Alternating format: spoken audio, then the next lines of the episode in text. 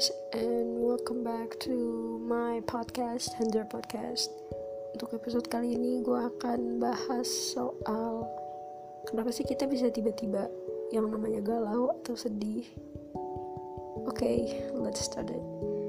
Jadi gini, pasti kita pernah yang namanya ngebadut. Ya pasti orang-orang pada tahu lah istilah ngebadut tuh gimana.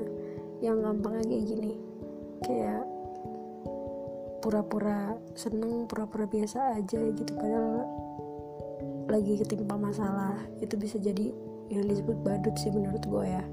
Definisi badut tuh kayak gitu. Jadi ya pura-pura biasa-biasa aja pura-pura terlihat fine. Tapi sebenarnya tuh enggak. Oh ya terus juga karena kita ngebiasain hal badut kayak gini di diri kita ya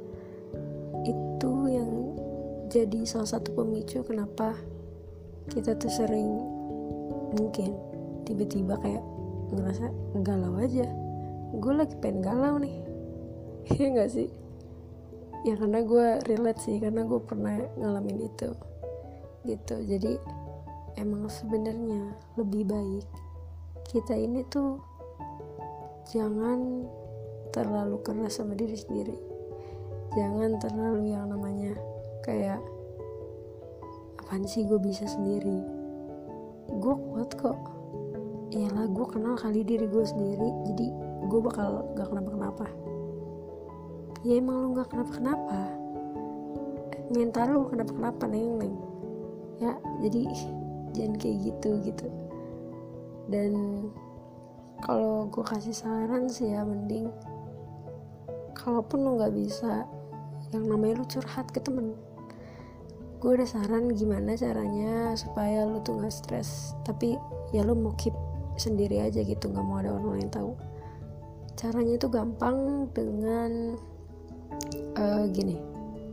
Lu bikin nulis ini aja ngetik di note gitu apa yang lu alamin sekarang. Atau enggak lu bikin grup WA kayak grup WA nya tuh sendiri gitu lo sendiri doang karena jujur gue pernah kayak gitu tapi karena gue males ngetik dan gue lebih suka gue curhat ke orang jadi ya gue jarang melakukan hal itu.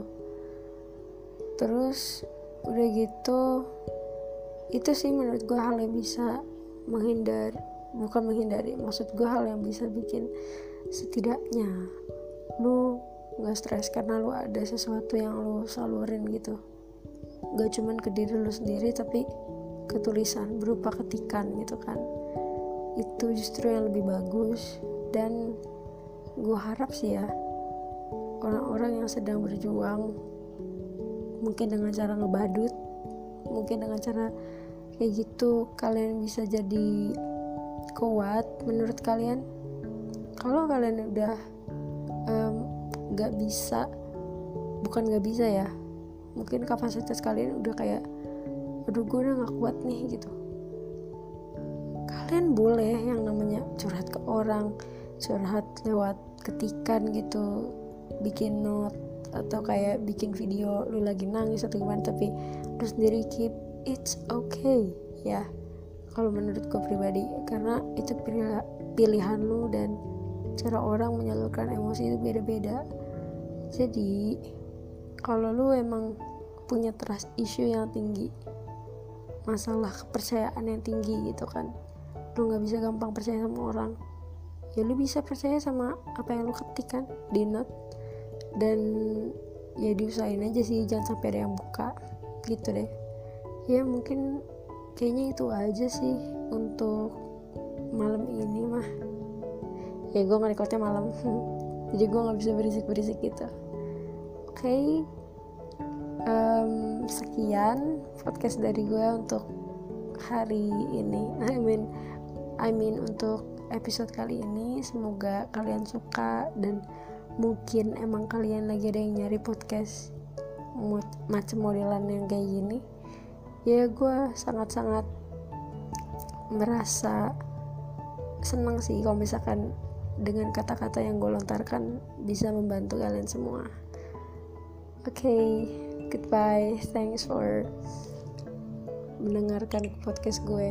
Dadah